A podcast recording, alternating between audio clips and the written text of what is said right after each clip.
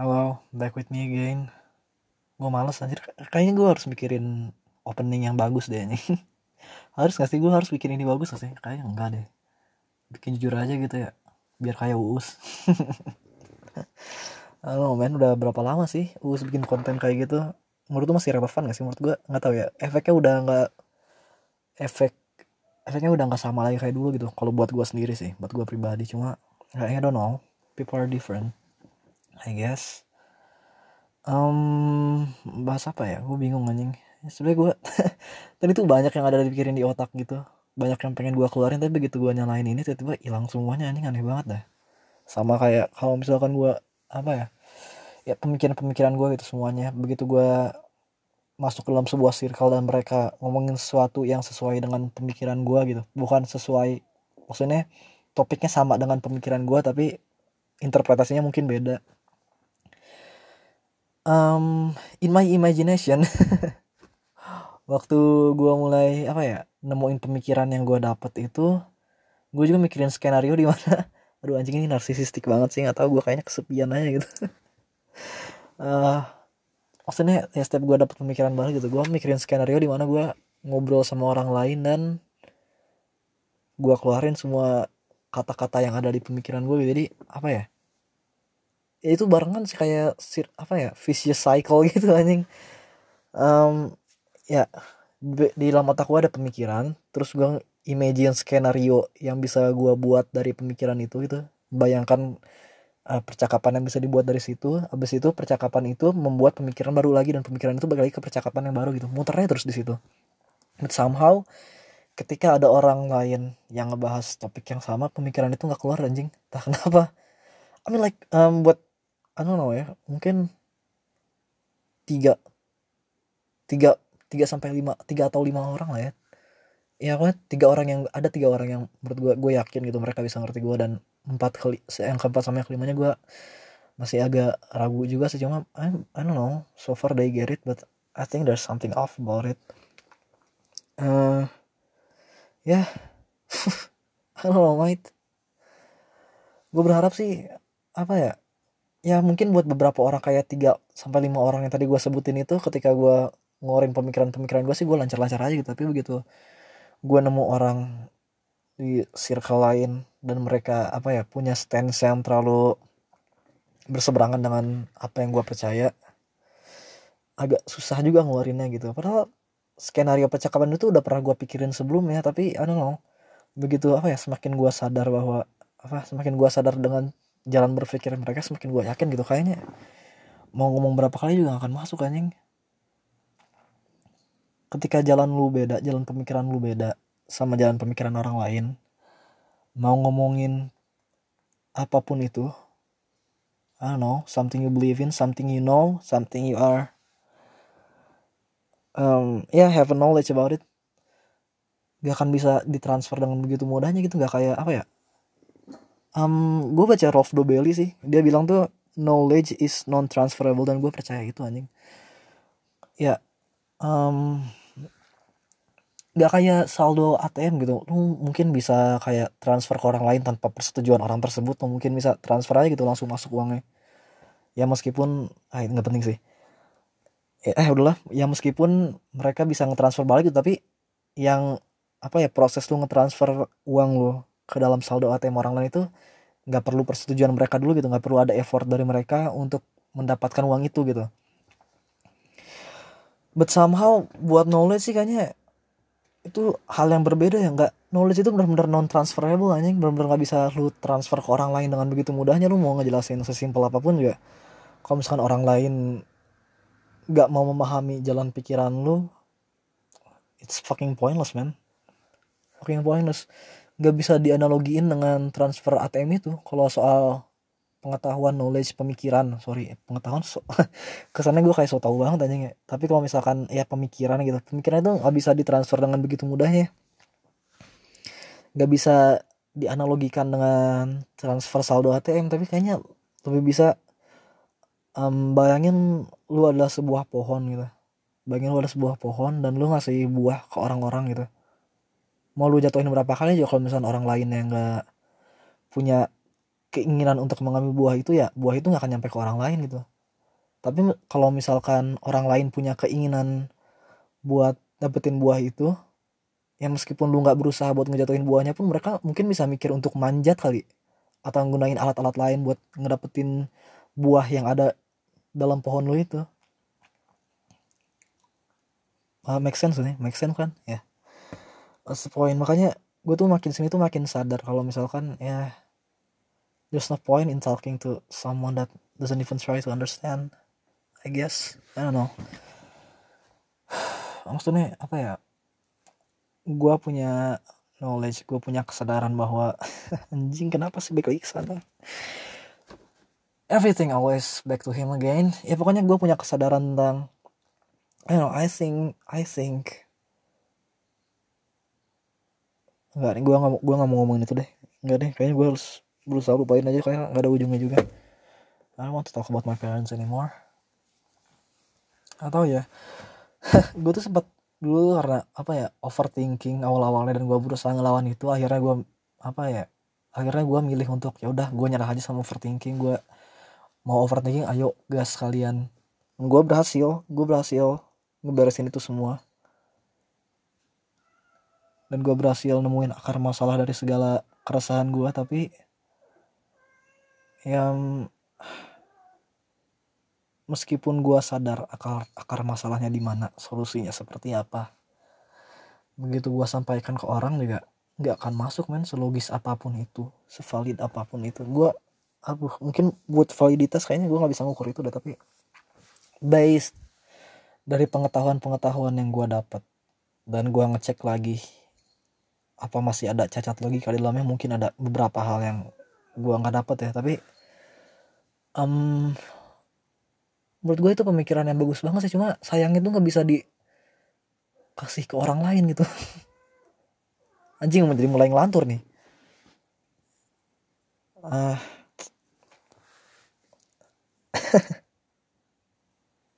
so fucking weird man um, gue udah lama nggak bikin podcast ini. Cause as you know gue nggak bisa jujur di rumah gue sendiri karena I know, banyak terlalu banyak perbedaan di antara gue dan orang-orang di keluarga gue self pitying again fucking hell. Uh, ya ya bukannya bukan karena perbedaan sih mungkin karena gue nggak nyaman aja ya karena gue nggak nyaman menjadi diri sendiri di rumah gue gitu. Gue baru selama podcast itu waktu zaman zaman gue di Jogja sekarang gue balik lagi ke sini banyak pemikiran yang ingin gue keluarkan tapi I don't feel safe at home so I'm here sitting alone in my car recording this shit. So fucking ironic isn't it? Um yeah but uh maybe in one or two weeks from now kayaknya gue dapet kosan ya. Dan itu pun buat dapetin kosan itu gue harus debatnya setahun dulu aja sama kayak gue masuk ke apa? Ya ke Jogja itu debatnya juga setahun aja susah banget dah.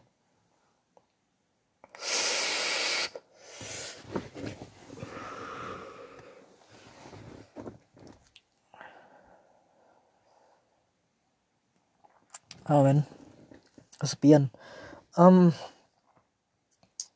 orang-orang mikir kayaknya mungkin udah basi juga ya. Mungkin orang-orang juga udah pada sadar gitu bahwa kesepian itu datangnya bukan dari um, ketidakadaan orang-orang di sekitar lu tapi lebih kayak datangnya tuh bisa aja dari ya meskipun orang-orang ada di sekitar lu juga kalau misalkan mereka nggak ngerti lu ya lu bakal tetap ngerasa kesepian juga gitu.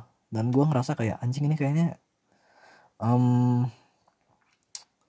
reason behind why this podcast is made because I don't know I feel safe. I feel safe making this podcast. I feel like someone understand me but meskipun um, apa ya gue ngobrol sendiri juga gue ngerasa kayak ya entah ini HP atau mikrofon yang gue punya. Ya di mana pun gue ngerekam itu gitu gue ngerasa kayak alat yang ngerekamnya itu bakal ngerti gue gitu meskipun ya mungkin di pemikiran kalian atau pemikiran banyak orang gitu ya buat dimengerti itu butuh res butuh feedback kayaknya ya nggak tahu sih. Don't know I feel ya dengan ini ya dengan HP dengan mikrofon pun gue ngerasa kayak dimengertiin aja gitu meskipun audiensnya belum tentu ngerti gue tapi I feel I don't know man feels real good Buat sama ini podcastnya sebenarnya udah ada 138 kali di play dari episode pertama sampai 10 gitu. Tapi estimated audience-nya gak sebanyak itu jadi somehow ini ada orang yang dengerin episode podcast gue ini lebih dari dua kali. And I wonder who that person is like. Kok lu bisa sih dengerin ini gitu? I don't know, are you as fucked up as me? Man lu ngapain sih dengerin ini gitu? Pikir-pikir. Asli ini tuh itu cuma ngelantur doang. Gue nggak berharap ada orang yang somehow tercerahkan karena gue juga nggak ada niat buat mencerahkan orang sama sekali. Gue cuma I don't know, I don't even have the guts apa ya gue bahkan gak punya keinginan buat uh, sharing knowledge orang gue cuma pengen ngeluarin keresahan gue tapi sama kenapa kok lu bisa gitu dengerin ini podcast lebih dari dua kali dalam satu episode gitu. I don't mungkin gue cuma apa ini narsisisme bawaan gue kali ya.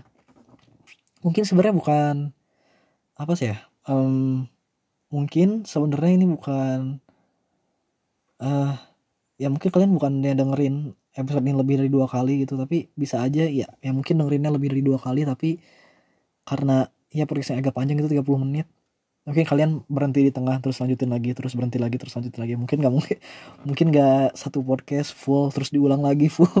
Kayaknya nggak gitu deh. Mungkin ini cuma imajinasi yang datang dari narsisisme gue anjing. I don't um, gue tuh apa ya? Know, mungkin gue harus punya circle baru aja dalam pertemanan. Nggak tahu sih. Orang-orang yang ngerti gue itu hidupnya jauh-jauh dari gue semua nih like three of them ya tiga-tiganya jauh dari gue beda kota. Dan dua lagi sekarang lagi ada di kota yang sama. Dua lagi ya? Dua lagi ya sih? Atau satu lagi ya? I don't know man. Ya pokoknya apa gue mau apa tadi? Eh uh, fucking hell. What the fuck is wrong with me ya mungkin mereka yang punya kemampuan buat dengerin gue apa ya? Aduh, gue gak, gue gak yakin sama mereka. Tadi gue mau apa lagi? Ah, uh, fuck, fuck.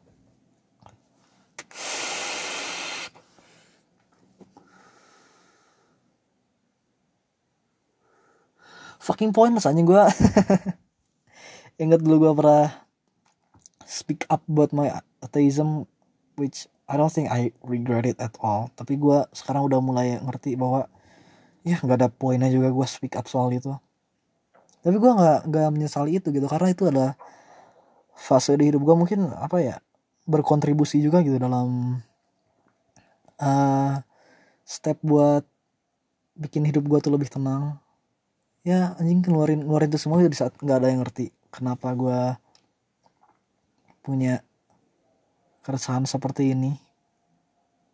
Dan gue ngeluarin itu di sosmed banyak yang lihat. But I don't think that any one of them even understand. Bahkan malah jadi lebih banyak yang gak suka sama gue but I think it's fine gue nggak regret it at all.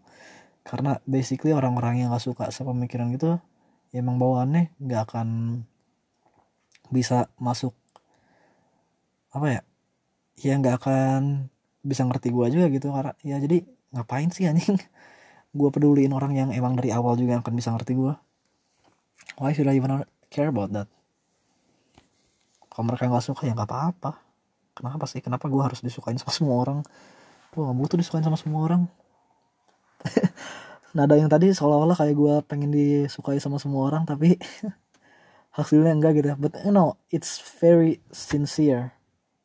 Semakin gue berusaha yakin semakin kedengeran gak sincere ya buat ya. I know it's uh, terserah lu mau interpretasi gimana gue juga gak peduli. Tapi ya yeah, yeah, I don't feel the need to make anyone like me at all. Meskipun I think I think it it will be really good that kalau misalkan gue bisa nemuin satu orang aja satu orang just one gitu. Either it's a friend or I don't know anything else yang bisa ngerti gue gitu. It feels must it must feels really good but anyway basically ya kan semua orang juga menginginkan sesuatu yang gak mereka dapatkan gitu advice dan kata-kata mutiara menyebalkan yang I don't know kedengeran indah. Tapi sebenarnya ya lu tau gak sih kayak advice kata-kata mutiara seperti itu sebenarnya paradoks juga anjing. Nggak selalu valid dan gak dan meskipun apa ya berlaku buat beberapa orang juga buat beberapa yang lainnya juga gak akan berlaku gitu. Any kind of advice. Any kind of advice trust me.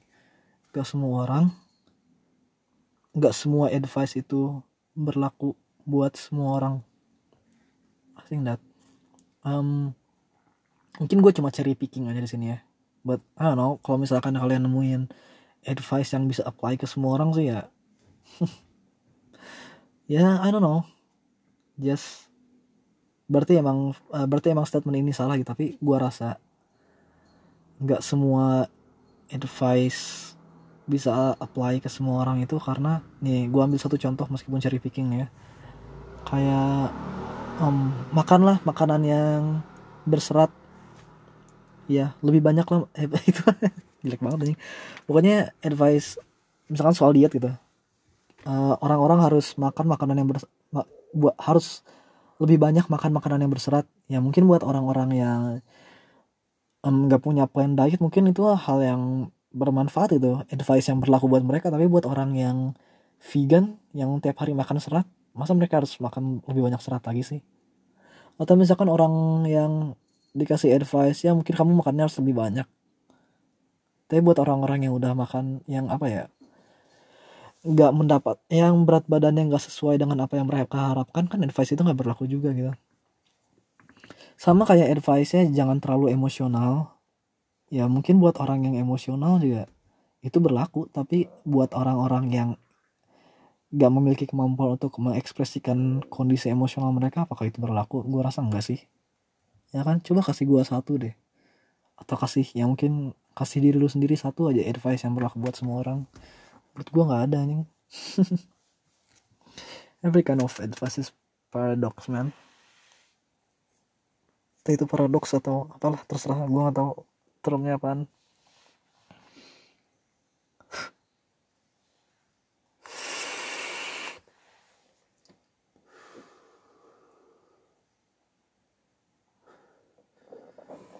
I don't know, I really wonder ini gimana sih caranya kenapa gitu kenapa kok ada orang yang bisa nemuin seorang atau bahkan satu circle gitu. Anjing itu keren banget sih.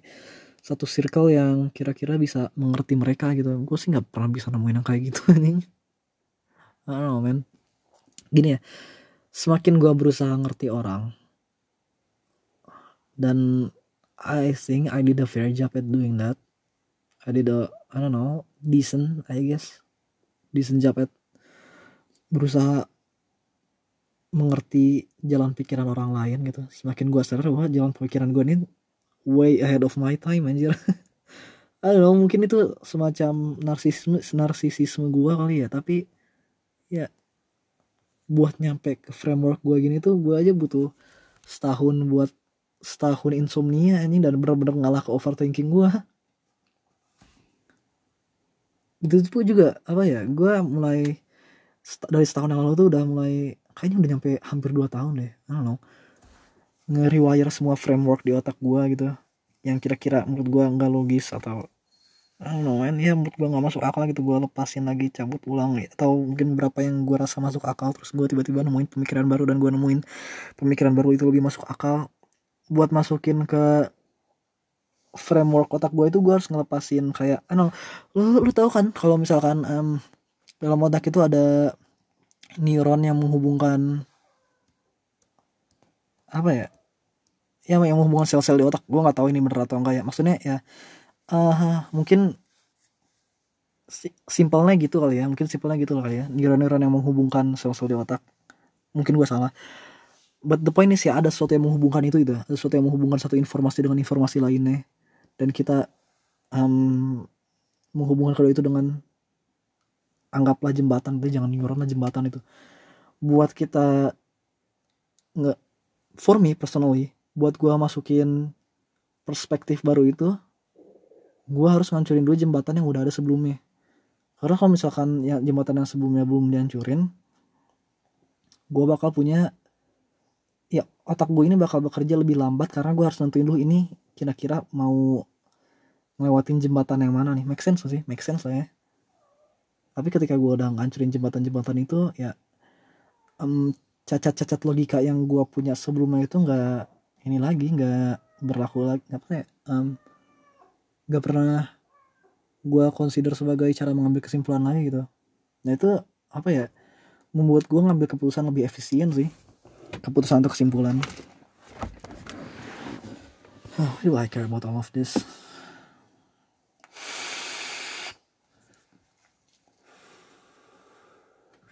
Eh, terlepas dari semua kebencian yang gue rasain terhadap bukan kebencian sih maksudnya ketidaknyamanan ya. Jangan kebencian ketidaknyamanan yang gue rasain dari bokap gue to be honest gue juga nggak tahu apa yang gue mau dari bokap gue I mean ya yeah, I just don't know what to do man. Gue nggak tahu apakah gue bakal senang kalau misalkan bokap gue ya kayaknya kayaknya nggak bakal senang sih. Ini bakal biasa-biasa aja gitu. Gue juga nggak tahu apa yang bakal bikin gue senang di sana atau mungkin emang gak akan ada sesuatu yang bikin gue senang dari dia gitu. It's fucking vicious man.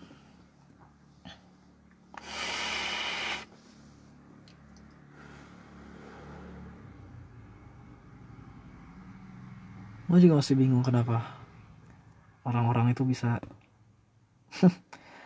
berpikir kalau ketersinggungan itu adalah tanggung jawab orang lain gitu. Gue bingung banget.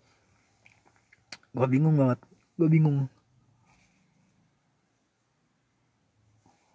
kayak gini nih ya. Coba kita eliminasi lagi deh. Satu orang membuat satu statement ke 100 orang. Dan yang tersinggung itu belum tentu semuanya kan ya. Atau kita ambil case-nya Panji Pragiwaksono deh. Dia bikin statement soal kucing dan komunitas kucing tersinggung. Tapi gak semua dari komunitas itu tersinggung kan cuma ada beberapa bagian doang yang tersinggung. Sisanya pecinta kucing lainnya gak tersinggung dengan statementnya dia. Berarti itu tuh variabel penentu ketersinggungan orang itu bukan dari statementnya ya gak sih? Karena ada beberapa yang gak tersinggung kan. Berarti variabel penentunya apa? Cara kita menanggapi statement tersebut. Dan kalau misalkan ya itu kan proses eliminasi ya. Kita setuju bahwa variabel penentu ketersinggungan itu cara menanggapinya gitu. Atau kalau misalkan lu nggak mau ke arah sana deh mungkin kita bisa katakan ya semua orang berbeda-beda gitu. Ada yang bisa tersinggung ada yang enggak berarti kemampuan menanggapi ketersinggungan itu kan yang menentukan tersinggung atau enggaknya. Jadi kenapa kita harus apa ya maksain orang untuk minta maaf atas statement yang dia buat itu terutama kalau misalkan mereka nggak ada keinginan untuk menyinggung sama sekali. Kenapa lo harus minta orang buat minta maaf sih. Emang lu pikir lu siapa gitu? Emang dunia itu semuanya tentang lu apa? Nggak juga kan? Nggak semua itu tentang lu anjing. Kenapa lu harus apa ya kenapa lu ngerasa ada orang itu punya kewajiban untuk minta maaf karena lu tersinggung? Kan kontrolnya ada di lu. Iya nggak? Ada orang yang menyukai hal yang sama dengan lu juga. Gak semuanya tersinggung dengan statement yang menyinggung hal yang lu suka. Kenapa lu berpikir tanggung jawab ketersinggungan ada di orang yang bikin statement?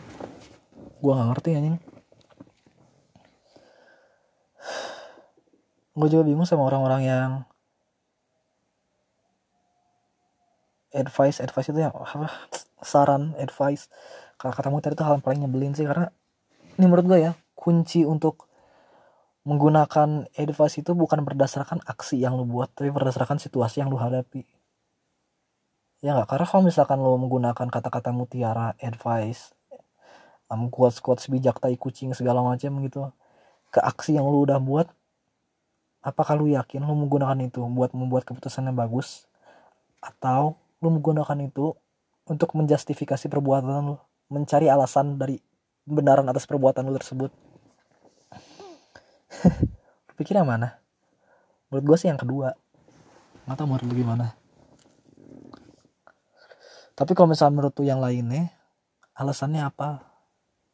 Kira-kira tanpa lu harus nyomot lagi advice kata-kata mutiara quotes tai kucing untuk membenarkan alasan dari um, kecenderungan lu untuk memilih kenapa advice itu harus digunakan ke aksi bukan ke situasi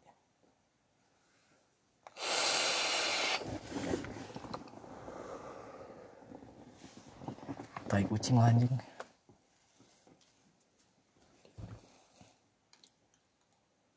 Nggak bisa man kita nggak bisa mengubah dunia anjing. Gue udah mulai ngerti kenapa apa ya generasi-generasi atas itu sering banget atau apa ya hmm, atau ah, pepatah perubahan ada di tangan pemuda itu kenapa sering banget dikatakan? Karena ya lu nggak bisa ngubah semua orang anjing yang lu bisa adalah ngedidik orang yang masih polos masih belum punya pemikiran apa-apa lalu lu kasih pemikiran itu. Masukin lebih gampang gitu dibandingkan orang yang udah ada di yang udah punya pemikiran tersendiri terus lu masukin pemikiran yang kontra ke dalam pikiran mereka. Itu tuh hal yang susah banget karena kontrolnya bukan di lu kontrolnya di mereka. Ya kan? Yang bisa ngancurin jembatan-jembatan itu kan cuma mereka sendiri bukan lu. Yang bisa ngancurin jembatan-jembatan di otak kita buat ngebuild jembatan yang baru itu ya kita sendiri bukan orang lain gitu. Orang lain mau bicara selogis apa pun dia kalau misalnya kita nggak punya keinginan untuk membakar jembatan yang kita punya kita nggak akan bisa bikin jembatan baru itu. Nggak mungkin men. Susah. Kita nggak bisa berharap pada orang yang lamatin kita no. Emang harus berharap sendiri sendiri aja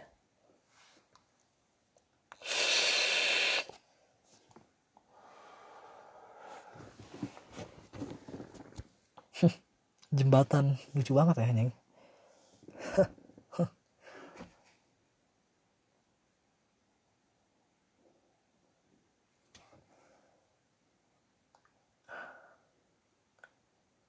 advice. Sama lucunya sama prediksi prediksi juga lucu anjing prediksi itu kalau misalkan benar semua orang bakal ingat itu. Tapi kalau misalkan salah ya semuanya bakal ngelupain anjing. Kecuali mungkin prediksi yang lu keluarkan itu berbuah ke sebuah keputusan yang mungkin orang-orang bakal ingat itu sih. Tapi kalau prediksi yang nggak menghasilkan keputusan apa apa sih ya nggak akan diingat anjing. Kalau misalkan salah enak banget ya soal tentang prediksi itu. Tai banget anjing. Apa ya balik lagi ke circle deh ke social circle. Gue ngerasa bener sih kalau misalnya kita harus selalu apa ya eh, ada kata-katanya Nabi, Nabi Muhammad itu yang bilang ya gue nggak tahu persisnya kayak gimana tapi kalau misalkan lu berkumpul dengan tukang minyak wangi maka lu akan bau minyak wangi juga gitu. Dan gue rasa itu bener sih anjing. Gue rasa ya ketika lu ada di sebuah circle yang buruk atau circle yang gak sesuai dengan tujuan lo gitu ya. Lo akan bisa mencapai tujuan lo sih anjing. Lo harus punya circle yang sesuai dengan uh, apa yang lo inginkan. Dan hasil apa yang ya output apa yang lo dapet gitu input apa yang lo dapet. Harus sesuai dengan itu sih. Dan ketika lo udah jadi apa ya orang paling pintar dalam sebuah circle gue rasa lo harus punya circle baru anjing dan gue juga udah mulai ngerasa gitu ketika gue udah ngeliat orang yang anjing ini fakta banget nih orang cara pikirannya gue gue mending tinggalin aja anjing. Maksudnya gue sih nggak mau ya satu circle dengan orang yang berpikir bahwa bumi ini bumi itu datar. Gue nggak mau anjing. Maksudnya dari semua pemikiran fakta itu menurut gue pemikiran yang paling fakta anjing itu pemikiran ribuan tahun yang lalu anjing. Kenapa lu masih bisa berpikir bumi itu datar? Anjing gue bener-bener gak kepikiran anjing. Itu asalnya dari mana anjing? Eh, gue rasa tinggalin sih orang-orang kayak gitu anjing. Bahaya banget anjing. Kebodohan itu nular cuy. Kebodohan itu nular. Lu harus benar-benar seleksi apa yang ada di circle ada uh, are we gonna make this one hour? I don't know udah hampir 30 menit nih gue ngerekam di HP nih. Biasanya gue ngerekam di laptop dan itu cuma 30 menit batas. Tapi kali ini gue ngerekam di HP jadi kayaknya bisa lebih sih kalau misalnya otak gue ternyata masih kenceng. Bukan otak ya otak gue selalu kenceng sih cuma pedenya gue itu yang agak um, agak membatasi itu gitu agak membatasi apa yang gue ucapkan. I don't know should we push this push this. I don't know I guess. Confidence. Fake. Menurut saya orang lebih banyak yang lebih banyak yang praktis praktis mempraktekkan yang mempraktekkan uh, kepercayaan diri yang palsu dibandingkan kepercayaan kepercayaan diri yang sesungguhnya. Karena menurut gue nih ya kepercayaan kepercayaan diri yang sesungguhnya itu datangnya dari dalam diri sendiri sih. Bukan dari how you act tapi dari kenyamanan lu untuk tidak bereaksi sama sekali. Gue rasa confidence yang sebenarnya datang dari situ anjing. Ketika lu dikonfrontasi dan orang-orang apa ya ngelihat lu salah tapi lu yakin lu bener gitu. Kepercayaan diri sebenarnya itu gini menurut kebanyakan orang sih ya konfirm mereka balik dan membuktikan bahwa kepercayaan yang mereka percaya itu benar gitu. Uh, ya stance yang mereka punya itu ya pokoknya mempertahankan posisi mereka lah mempertahankan apa yang mereka percaya. Tapi sebenarnya kepercayaan diri yang sungguh itu menurut gue ya ketika kita nyaman aja gitu meskipun terlihat salah tapi kita yakin kita bener itu menurut gue kepercayaan diri yang sesungguhnya ini nyaman dengan ketidaksetujuan orang lain meskipun lu tahu lu bener. Tapi lu tuh ya nyaman aja gitu. Orang mau mikir apa pun orang mau mikir negatif tentang lu lu tetap yakin lu bener. Menurut gue itu kepercayaan diri yang sesungguhnya sih. Tanpa harus menggunakan aksi apa pun untuk meyakinkan orang lain ya. Itu menurut gue confidence sebenarnya. Bukannya apa ya defensif terus bener-bener berusaha buat supaya orang approve apa yang lu percaya menurut gue itu confidence yang palsu anjing. Itu menurut gue lu mencari validasi aja karena lu sendiri juga nggak yakin sama diri lu sendiri. Tapi kalau lu yakin sama diri lu sendiri lu nggak perlu approval orang lain anjing. Meskipun apa yang lu percaya berbeda dengan apa yang orang lain percaya lu bakalnya kayak I'm fucking content with this siento contento. Bacot Uh,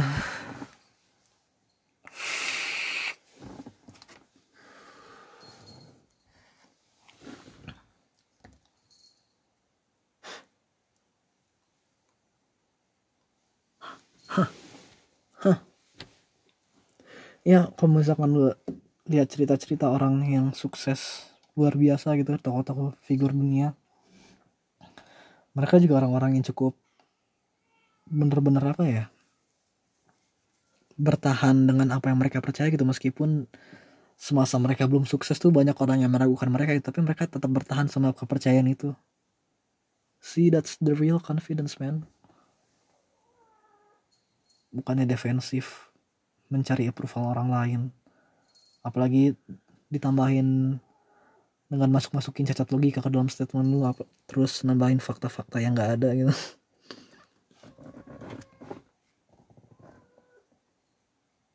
gue makin sini makin ngerasa kasihan sama orang tua gue udah I think um I thought about my parents more than enough I guess. Kayaknya gue nggak harus berusaha buat ngeproses semua lagi deh. Yang ada sekarang malah jadi ngebalik-balikin traumanya lagi karena gue rasa sih gue udah ya gue udah nemuin semua akar masalahnya. Gue rasa gue udah beres itu dengan itu semua di otak gue udah kepikiran semuanya itu udah kepikiran di mana salahnya. Udah kepikiran gimana solusinya dan solusinya itu bukan ada di tangan gue sama sekali. Gue gak punya kemampuan itu dan gue harus ya udah feel happy with that. Bukan feel happy apa ya? Feel content with that. Content. Merasa puas. Bukan merasa puas apa ya? Merasa nyaman dengan itu. Gue harus berusaha merasa nyaman dengan itu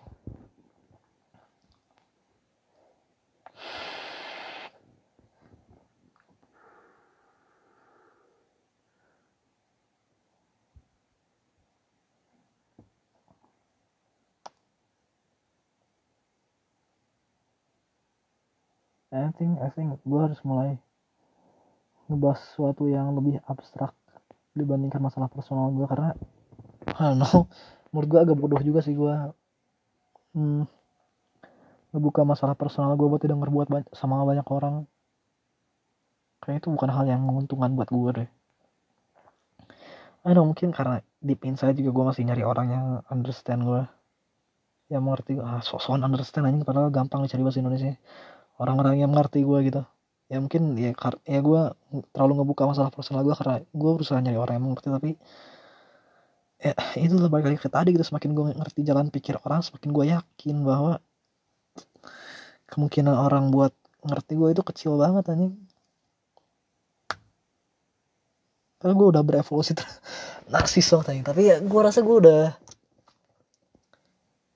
berevolusi terlalu jauh sih ya maksudnya pemikiran gue udah berubah terlalu jauh gitu. Buat masukin buat ke dalam ini tuh gitu buat ke stage sampai segini gitu. Ya menurut gue ini ya sepengalaman gue gue harus ngancur-ngancurin dulu pemikiran gue sebelumnya gitu. Hancurin tambah yang baru lagi hancurin lagi yang lain tambah lagi yang baru nyampe sampai sedalam ini. Sosokan dalam anjing tai lah.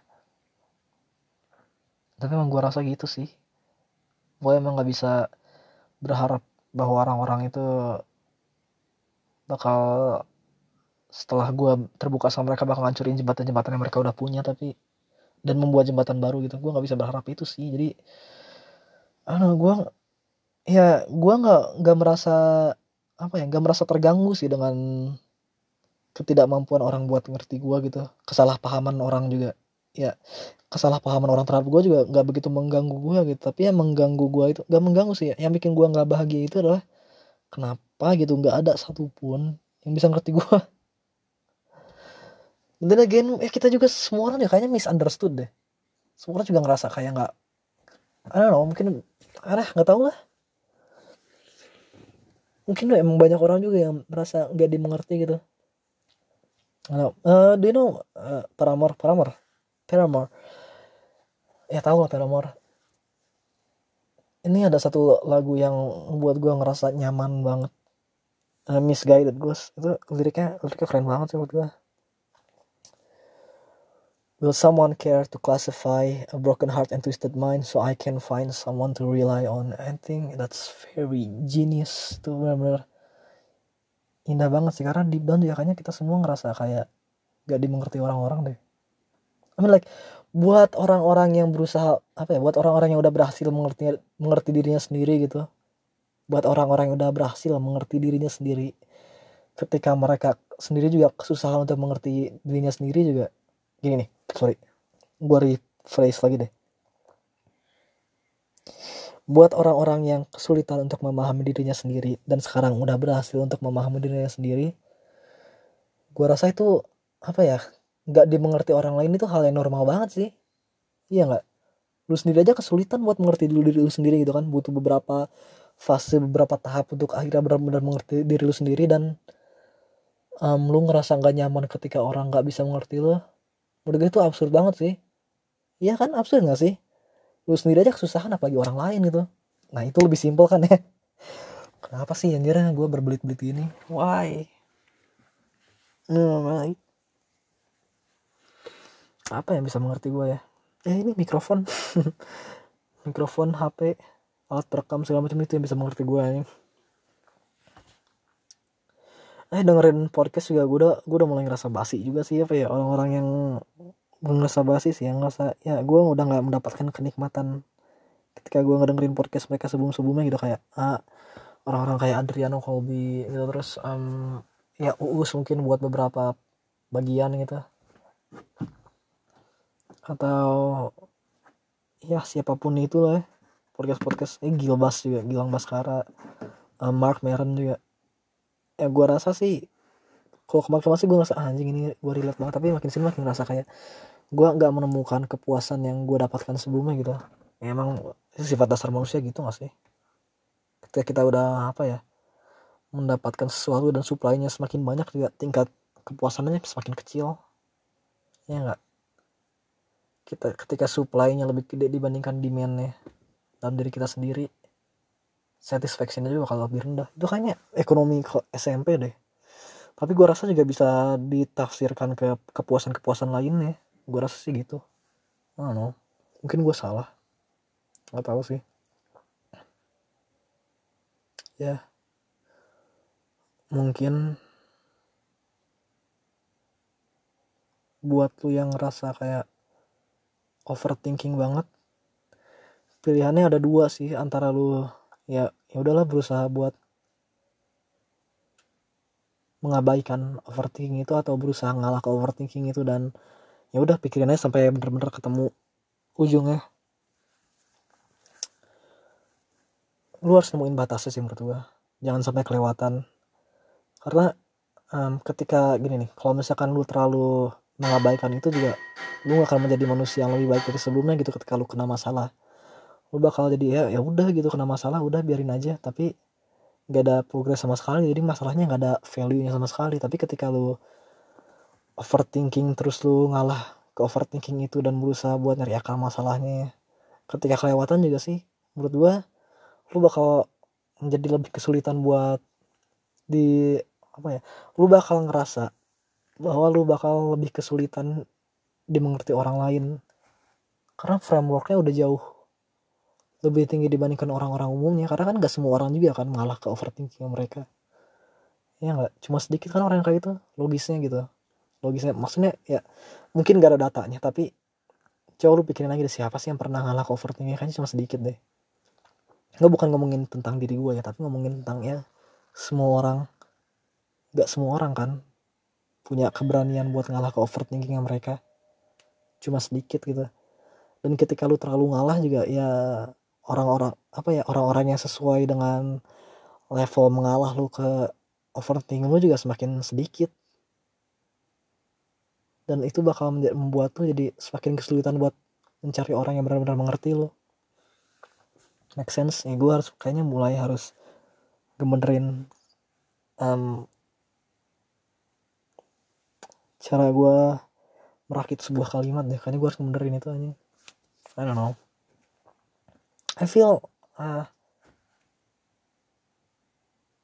it's a good question. I don't know I don't know how I feel right now. Gue nggak seneng, gue nggak sedih juga, gue nggak marah. Gue nggak tahu sih apa yang gue rasain sekarang. Merasa kosong juga enggak sih. Ah nggak tahu. Mungkin gue butuh distraksi lain tapi ah no, tadi gue ngerasa bingung dan ngerasa kesel sih sebenarnya sebelum gue mulai podcast. Eh enggak enggak ngerasa kesel. Gue ngerasa bingung dan ngerasa overwhelmed ngerasa apa ya sempit banget gitu di otak gue dan ketika gue udah mulai podcast ini ya sekarang udah nggak apa ya udah nggak ngerasa sempit itu sih.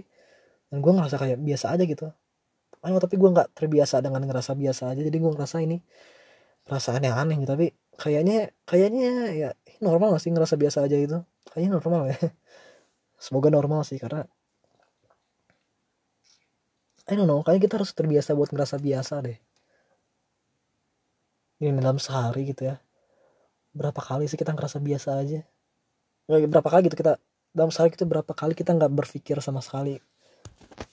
Nggak tahu sih mungkin buat orang lain berbeda-beda kali ya tapi buat kalian yang buat kita yang selalu mencari distraksi gitu buat kita yang hidup di era digital ini era di mana semua orang memiliki smartphone dan akses ke informasi yang segitu besarnya. Akses informasi itu kan segitu besarnya sekarang dan segitu mudahnya untuk diakses gitu. Dan ya kapan sih terakhir kali lu bener-bener apa ya? Ya oke deh I'm just gonna sit here doing nothing dan gak ngebuka handphone lu sama sekali. Kapan sih lu terakhir kali kayak gitu tuh? Lu bakal selalu mencari distraksi kan? Gak mungkin lu bakal diem aja terus. Lu bakal terus-terus mencari distraksi dan itu gua rasa bakal terus-terusan ngestimulasi otak lu buat merasakan sesuatu gitu. Dan kayaknya generasi kita ini nggak terbiasa buat ngerasa biasa aja gitu. Ah mungkin itu juga mungkin mungkin itu juga yang bikin generasi gitu tuh merasa apa ya cepat merasa hampa atau cepat merasa depresi merasa doang gitu ya bukan benar-benar kena depresi cuma merasa doang. Hanya itu sih akar masalahnya atau bukan akar masalah kali ya atau mungkin karena apa ya kita semakin mudah buat mengekspresikan diri kita gitu. Karena ada sosial media. Mungkin itu juga kenapa kita apa ya generasi kita itu terlihat terlihat gitu ya bukan merasa. Terlihat lebih cenderung lebih gampang um, depresi gitu. Padahal kayaknya bisa jadi ya bisa jadi generasi kita ini ya sama aja ngerasainnya kayak generasi sebelumnya gitu. Cuma generasi sebelumnya itu ya keresahan-keresahan mereka nggak terekspos di sosial media karena emang gak ada medianya sama sekali kan. Mungkin perasaannya sama kekuatannya juga sama cuma mereka nggak punya media buat mengekspresikan itu. Ditambah lagi kan ya orang-orang zaman dulu kan kayak ya jangan nangis jangan sedih jangan marah gitu. Berusaha buat nggak mengekspresikan diri mereka karena ya buat ya buat orang zaman dulu gitu ya mengekspresikan perasaan itu kan hal yang lemah. Ya nggak sih? Ya nggak buat orang zaman dulu kayak gitu kan? Tapi buat orang zaman sekarang yang ya oke di di encourage buat ngekspresiin apa yang mereka ekspresiin dan medianya pun ada sebesar itu gitu. Jadi terlihatnya ya lebih tidak bahagia aja gitu lebih rentan terlihatnya. Tapi kan belum tentu beneran lebih rentan juga kan? Apa sih emang nggak udah ada yang research ini sebelum sih sebelumnya? Nggak tahu juga kan mungkin harus dicari tahu sih itu. I don't know. 45 minutes do I have to continue this? I don't know. Let's let's try to make it 60 minutes. Let's try to make it 60 minutes. Kebun uh, apa ya? Tenggorokan gue juga udah mulai kering sih. I don't know. Ini uh, ketidakpedean bukan ketidakpedean ya. Ketidaknyamanan gue dalam berbicara itu. Lu bener-bener bisa ngerasain dalam suara gue yang agak ketahan. Nggak lu denger sih ada apa ya sedikit kayak distorsi distorsi jangan distorsi deh overdrive. Crunch. Kenapa bahasa gitar anjing?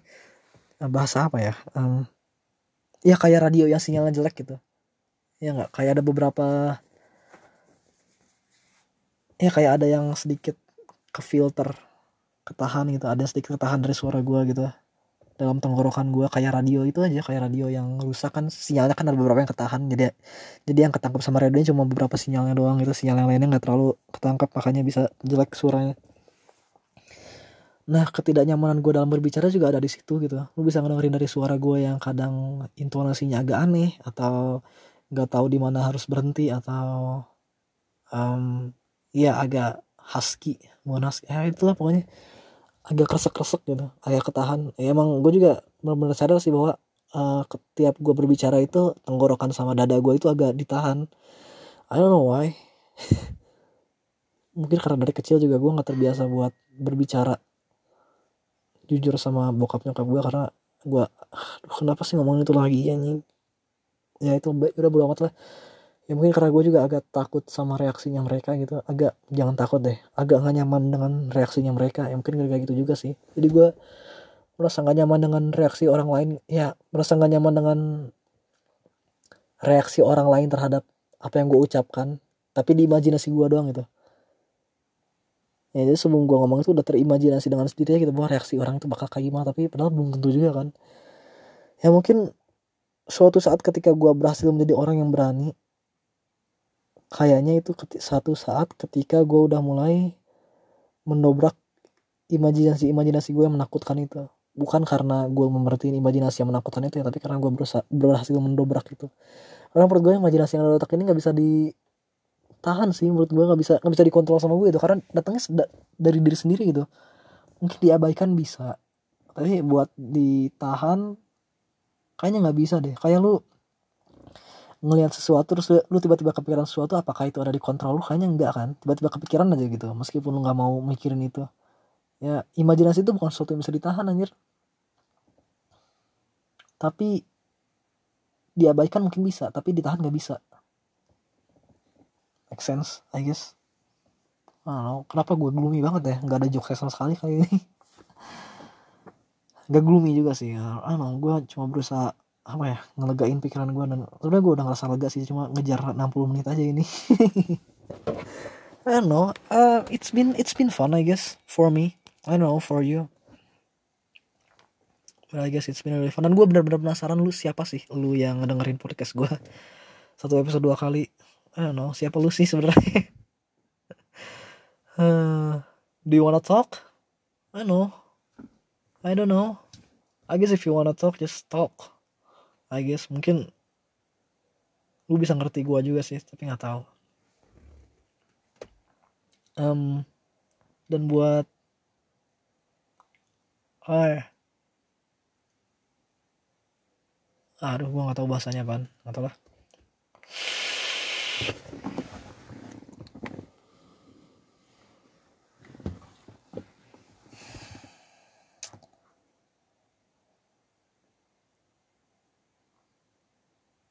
apa? Mau ngapain lagi?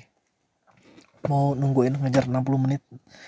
Ngejar 60 oh shit. Uh kirain apaan aja ngejar 60 menit tapi diisi empty aja gimana? Nggak diisi apa-apa gitu. Biar pokoknya biar pas 60 menit aja tapi gak usah ngomong apa-apa gitu. Diemin ya. Yang penting ngejar 60 menit kan. Nah itu dia. Solusi-solusi pragmatis. Goblok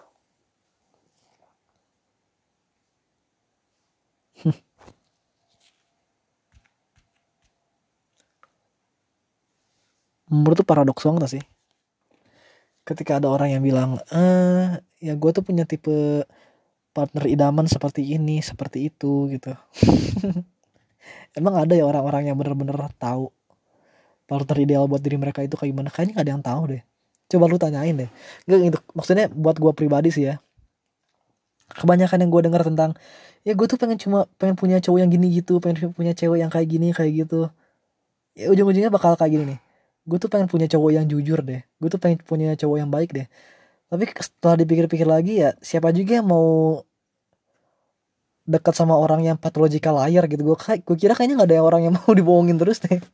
Kan semua orang juga pengen jujur gitu. Kenapa lu ngerasa bahwa uh, partner ideal itu partner ideal lu adalah orang yang jujur gitu? Karena menurut gue semua orang juga pengennya itu. Nggak ada yang mau dengan orang pembohong anjing. Ya sih atau pengen sama pengen sama orang yang baik. Ya kan semua orang juga pengen sama orang yang baik itu nggak ada orang yang pengen uh, punya relationship sama orang yang jahat. Aneh banget deh menurut gue siapa gitu? Siapa yang mau punya relationship sama orang yang jahat? Gue rasa nggak ada nih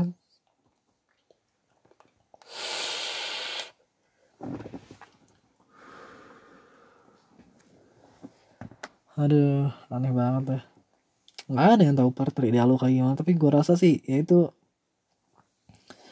bener-bener harus ngikutin perasaan sih karena menurut gue nggak ada respon logikanya anjing. Menurut gue ya udah gitu aja gitu. Gak ada respon logikanya sama sekali udah gitu doang. Gak ada respon logikanya gak ada apa ya gak ada rumusnya sama sekali untuk menentukan partner lu yang ideal itu seperti apa. Gue rasa kayak gitu sih.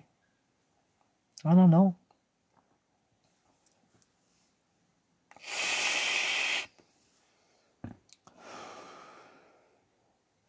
gue nggak suka banget nih ketika gue lagi di luar kayak gini bikin podcast sendirian. Ya mungkin ini baru pertama kali sih buat gue tapi gue nggak suka banget lihat sama satpam terus terusan gue ngerasa kayak gue orang jahat anjing. Nah akhirnya satpam pergi juga kan. Bangsat emang. Ya mungkin emang tugasnya mereka sih buat ngejagain malam kayak gitu merhatiin lingkungan sekitar. Harusnya gue ngerasa aman sih. Kenapa gue ngerasa nggak aman ya? Aneh banget ya yang gue rasa buat nemuin partner yang ideal itu kita harus ikutin subjektivitas sih. Gue nggak mau bilang ngikutin perasaan ya karena I don't know man. Menurut gue aneh banget sih harus ngikutin perasaan. Padahal perasaan itu aduh tergantung apa ya tergantung pemikiran yang udah lu punya juga gitu gabungan dari situasi dan pemikiran gue rasa perasaan itu datang dari sana anjing. Kayaknya kita sebagai manusia juga I don't know apakah perasaan itu hal-hal yang benar-benar um, apa ya benar-benar ada gitu. Bukan bukan ada apa ya lebih puitis dari itu ya. Exist. Yang benar-benar eksisten bukan eksisten apa ya bahasa Indonesia nya apakah perasaan itu hal-hal hal yang benar-benar bisa dibuktikan? Atau sebenarnya perasaan itu cuma istilah yang kita gunakan karena kita nggak sadar aja gitu bahwa perasaan itu datangnya dari karena kita nggak punya apa ya nggak punya istilah untuk menggambarkan gabungan antara pemikiran dan situasi. Hanya itu deh. Ya kayaknya perasaan itu adalah hal sing apa ya istilah singkat dari istilah alternatif. Karena kamus kita belum sebesar itu ano semua kata juga kan selalu ada yang baru kan ya gak sih? Selalu ada kata baru cuy. Nggak eh, nggak mungkin lah satu apa ya kita sebagai manusia gitu tiba-tiba kita punya satu kamus yang penuh gitu. Makanya kamus selalu berevolusi juga kan. Karena kata-kata itu selalu datang yang baru gitu. Selalu datang yang baru selalu datang yang baru tambah kata lagi tambah kata lagi. Dan pasti awalnya juga kata-kata itu cuma sedikit. Mungkin basicnya kayak cuma kiri kanan depan belakang dan perasaan-perasaan kita gitu. Senang sedih mungkin awal-awal kata-kata itu cuma itu kali ya. Dan apa ya? Hmm. ya kata-kata juga bisa dipakai buat mendeskripsikan, mendeskripsikan sebuah benda kan? Ya ketika benda-benda juga belum ditemukan juga kata-katanya pasti belum ada kan? Kayak komputer ya. Komputer juga sebelum komputer ditemukan ya nggak ada kata komputer gitu.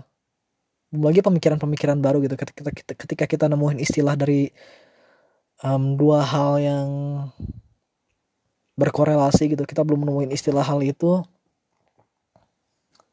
Nggak ketika kita udah sadar sama ada korelasi ketik uh, ada korelasi terhadap ada korelasi di antara dua hal yang bersangkutan baru kita mau mengungkapkan istilah itu kan ya. Setelah kita sadar ada korelasi itu gitu. Tapi sebelum kita sebelum kita sebagai manusia gitu sebelum banyak manusia sadar bahwa ada korelasi dalam sebuah dalam dua hal atau lebih kata-katanya itu belum ada. Ya gak? dan gue penasaran siapa sih yang menemukan kata-katanya aneh banget lah uh, udah hampir satu jam nih berhenti di sini nggak ya? Ya antar lah 4 menit lagi.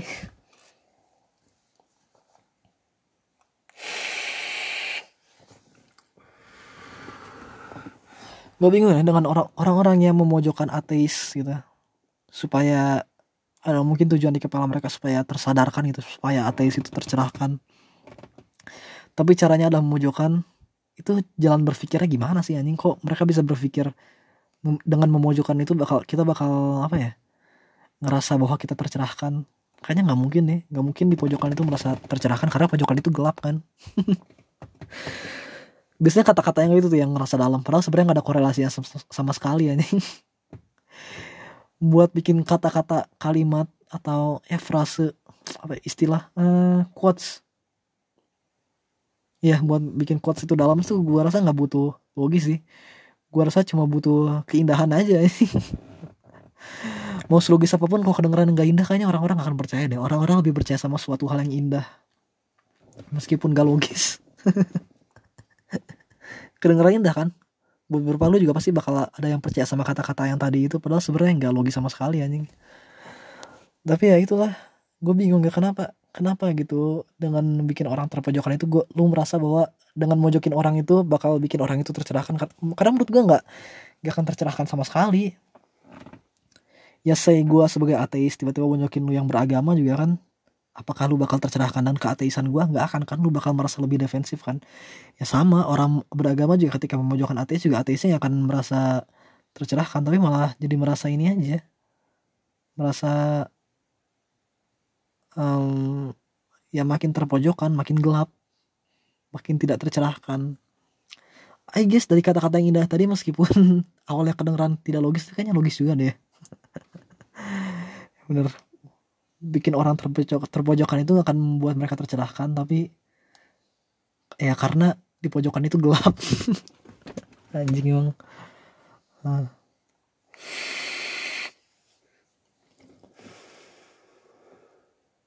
Atau mungkin ini harus gue bagi kedua segmen aja gitu ya. Yang pertama judulnya jembatan.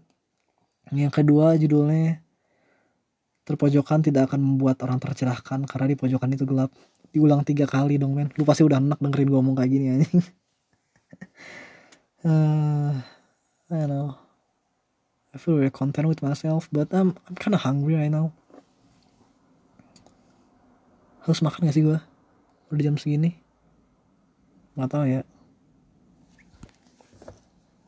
subjektivitas aneh banget ya.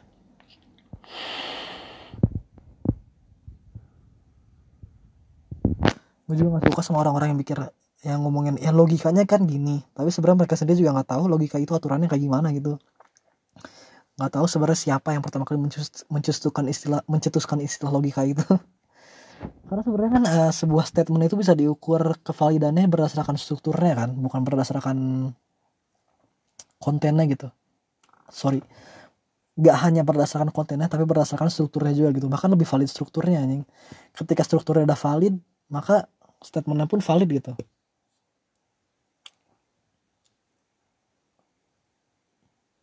Ya gitu lah ya itu emang definisi logika sendiri juga itu struktur dalam sebuah statement.